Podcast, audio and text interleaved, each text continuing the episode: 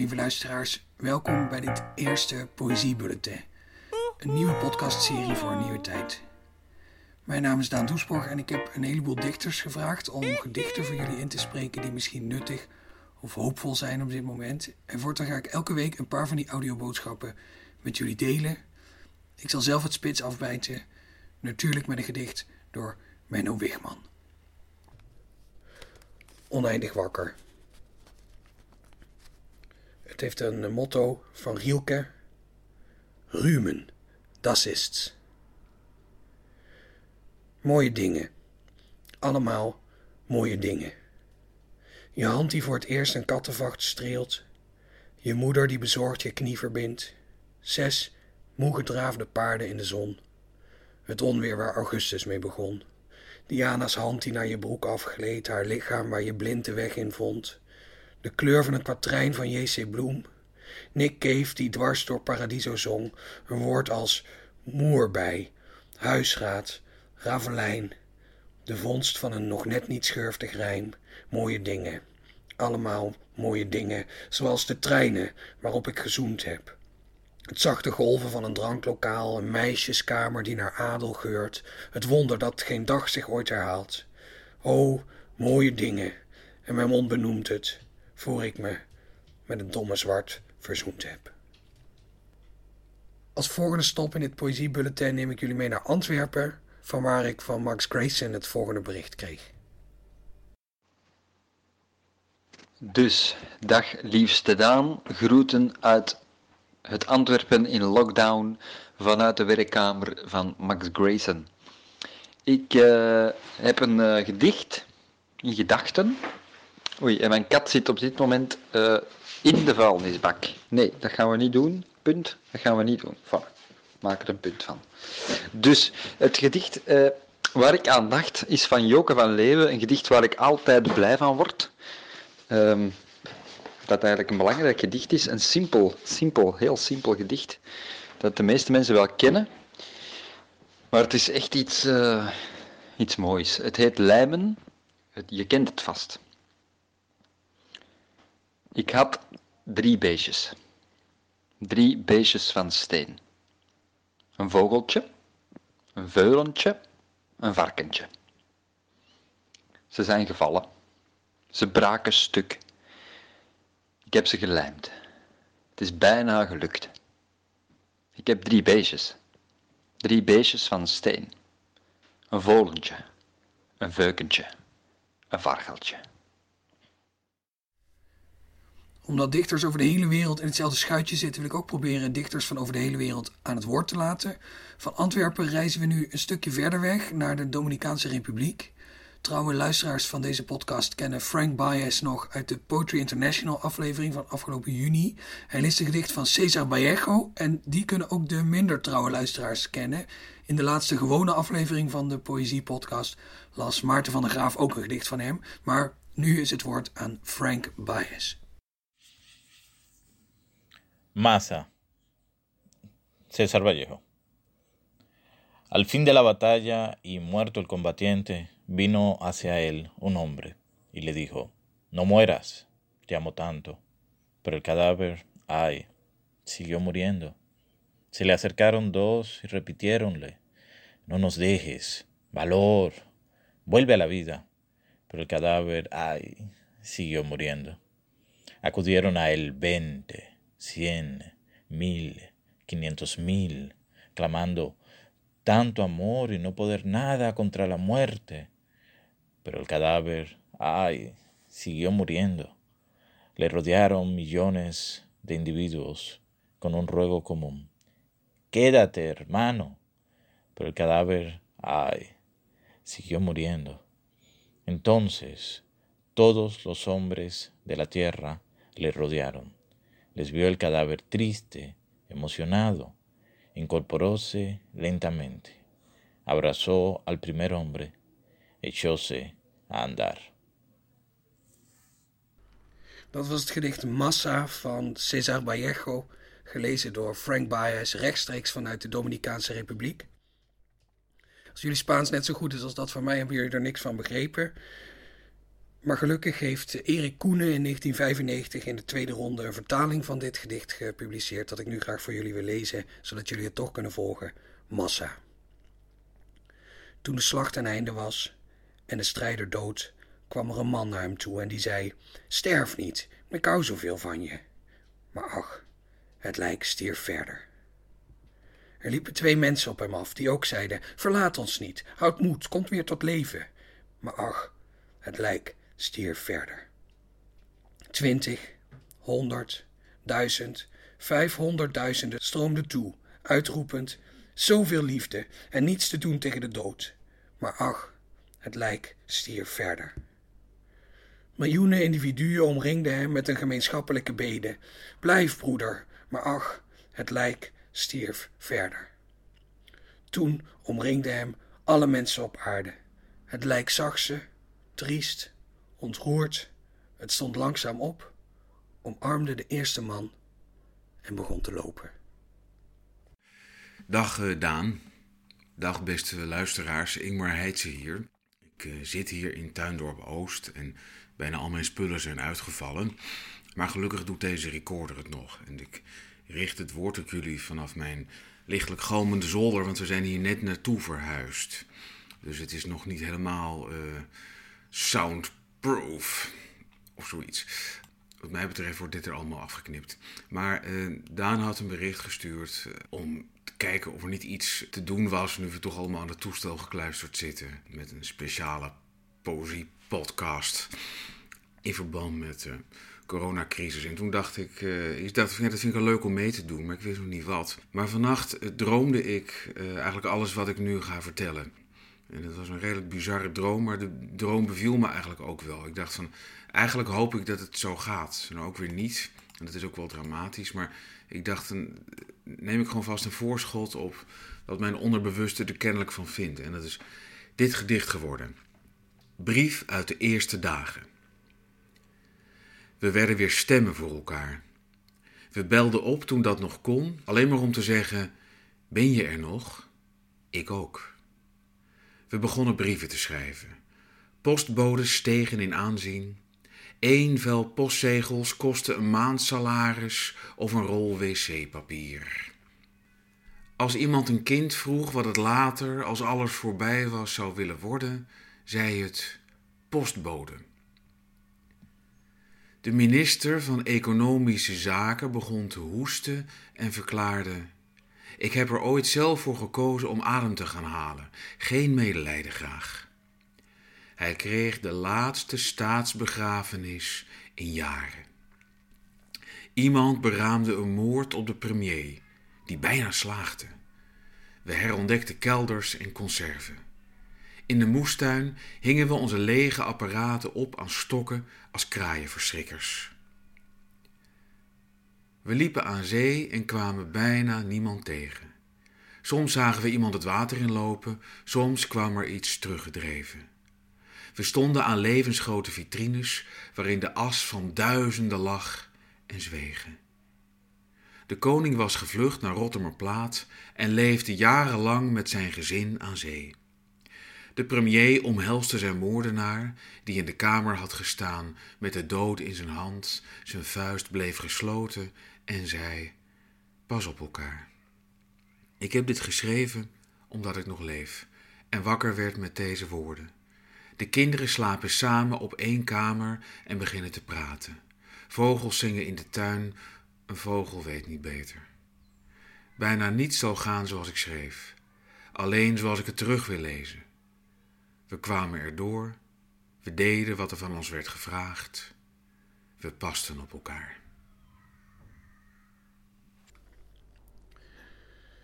De volgende dichter voor wie ik jullie een audioboodschap wil laten horen is Dennis Gaans. Dennis kennen jullie misschien ook als podcastmaker uh, van onder andere Ondercast. En uh, op het kanaal van zijn fantastische nieuwe podcast Dit Is, is ook Dennis gestart met een wekelijkse podcast in uh, deze vreemde tijden. Zeven mensen houden een audiodagboek bij, sturen dat naar Dennis. En Dennis maakt er elke week een aflevering van die een chroniek biedt van de verwarrende tijd waarin we leven. De podcast heet Dit Is Ga dat allemaal luisteren uh, en uh, luister nu eerst eventjes naar Dennis. Hoi Daan. Um, ja, een gedicht. Ik moest uh, meteen hier aan denken. And Death Shall Have No Dominion van Dylan Thomas. And death shall have no dominion. Dead men naked, they shall be one with the man in the wind and the west moon. When their bones are picked clean and the clean bones gone, they shall have stars at elbow and foot. Though they go mad, they shall be sane. Though they sink through the sea, they shall rise again. Though lovers be lost, love shall not, and death shall have no dominion. And death shall have no dominion. Under the windings of the sea, they lying long shall not die windily, twisting on racks when sinews give way, strapped to a wheel, yet they shall not break. Faith in their hand shall snap in two, when the unicorn evils run them through.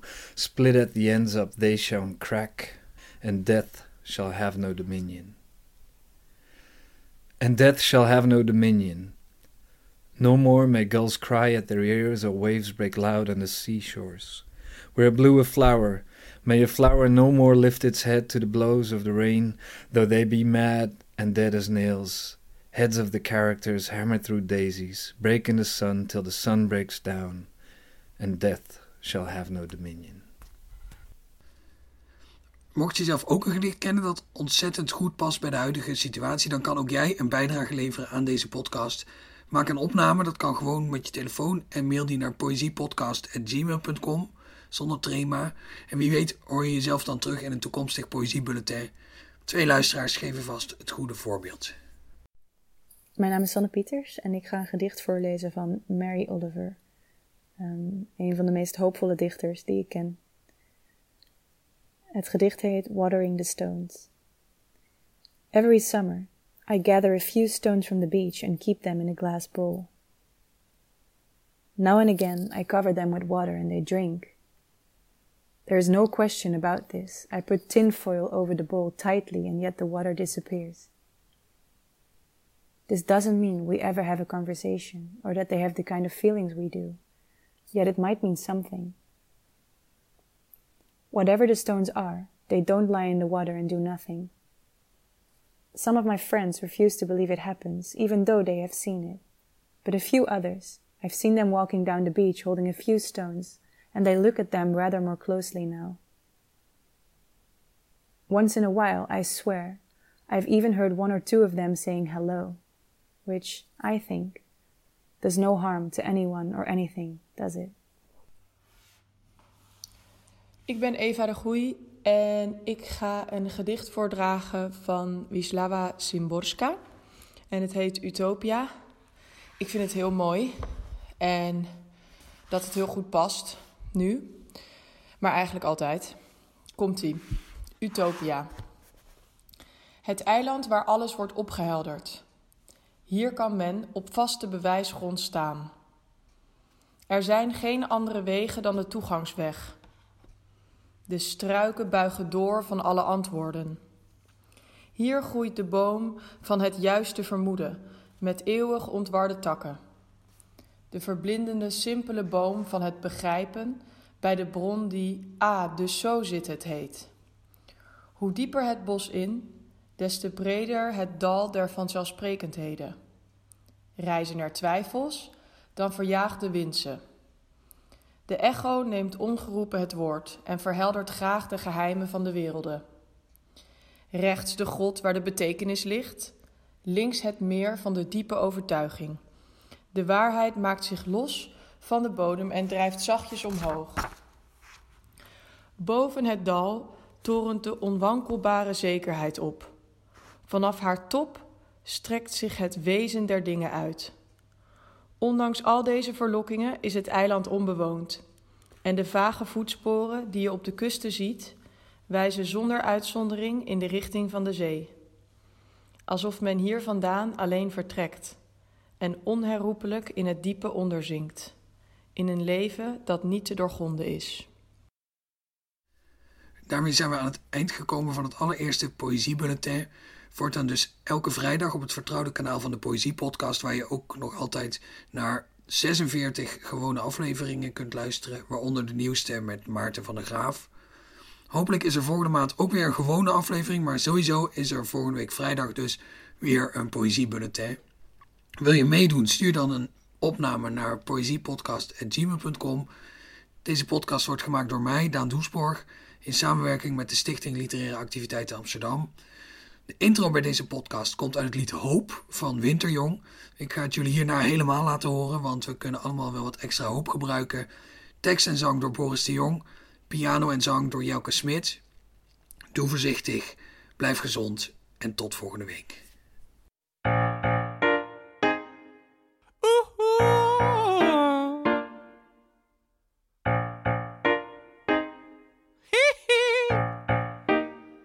Stel me voor dat hoop iets is wat je vast kunt pakken. Dat als je hoop opgeeft, het dan liggen blijft waar je het achterliet. Niet ijl en vluchtig, dat het ergens aan vastplakt. En niet zo onweerlegbaar zwaar als verdriet. Dat zou mooi zijn, mooi zijn, mooi als garantie op een chemokuur. Mooi zijn, mooi zijn, mooi als een deadline, naar de deadline, naar de deadline, naar de deadline.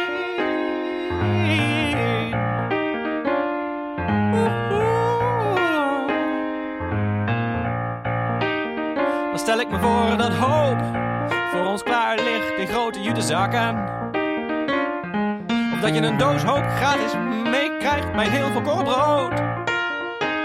En als hoop dan niet voor gratis gaat, als hoop dan niet voor gratis gaat, als hoop dan niet voor gratis gaat, dan spotgoedkoop. Dat zou mooi zijn, mooi zijn, mooi als garantie op een chemokuur. Mooi zijn, mooi zijn, mooi als een deadline, na de deadline, na de deadline, na de deadline. En dan daar weer een deadline na, en daar weer een deadline op volgt. Komt. En wat bereiken we dan met dit lulverhaal? Je denkt toch niet dat iemand dit gelooft? Hoop is een abstract concept waarmee je duidelijk geen ervaring hebt. Anders liet je die onzin wel uit je hoofd. Maar stel dat hoop als water uit de leidingen kwam spuiten. En dat je een emmer frisse hoop elke ochtend over je hoofd uitgiet. Cool, helder, onstuitbaar, komt alle hoop naar buiten. Waar iedereen dansend in de straten, zeiknat van de hoop geniet. Dat zou mooi zijn, Dat zou mooi zijn. Mooi als garantie op een chemokuur. Mooi zijn, mooi zijn. Mooi als een deadline, na de deadline, na de deadline, na de deadline. Deadline na, dan daar weer een deadline op volgt. En daar weer een deadline na, en daar weer een deadline op volgt. En daar weer een Maar deadline. wat bereiken we dan met dit lulverhaal? Laat me nou, Niet eens uitvoerbaar in theorie. zeg dat nou niet. Hoop is een abstract idee. En jij hebt daar blijkbaar geen ervaring mee. Nee. En ik kan hier de humor niet van zien. Maar stel dat hoop, Wat bereiken we dan? stel dat hoop, Wat bereiken we dan? stel nou dat hoop, Maar wat bereiken we dan? stel dat hoop.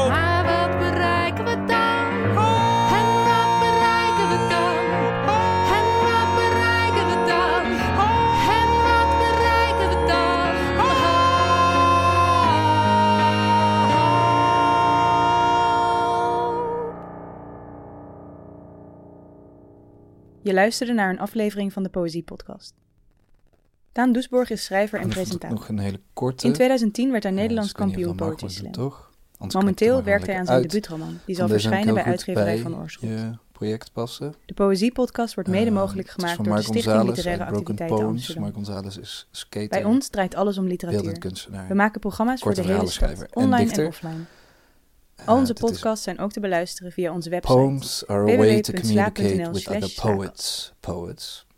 Poets, poets. You're not alone.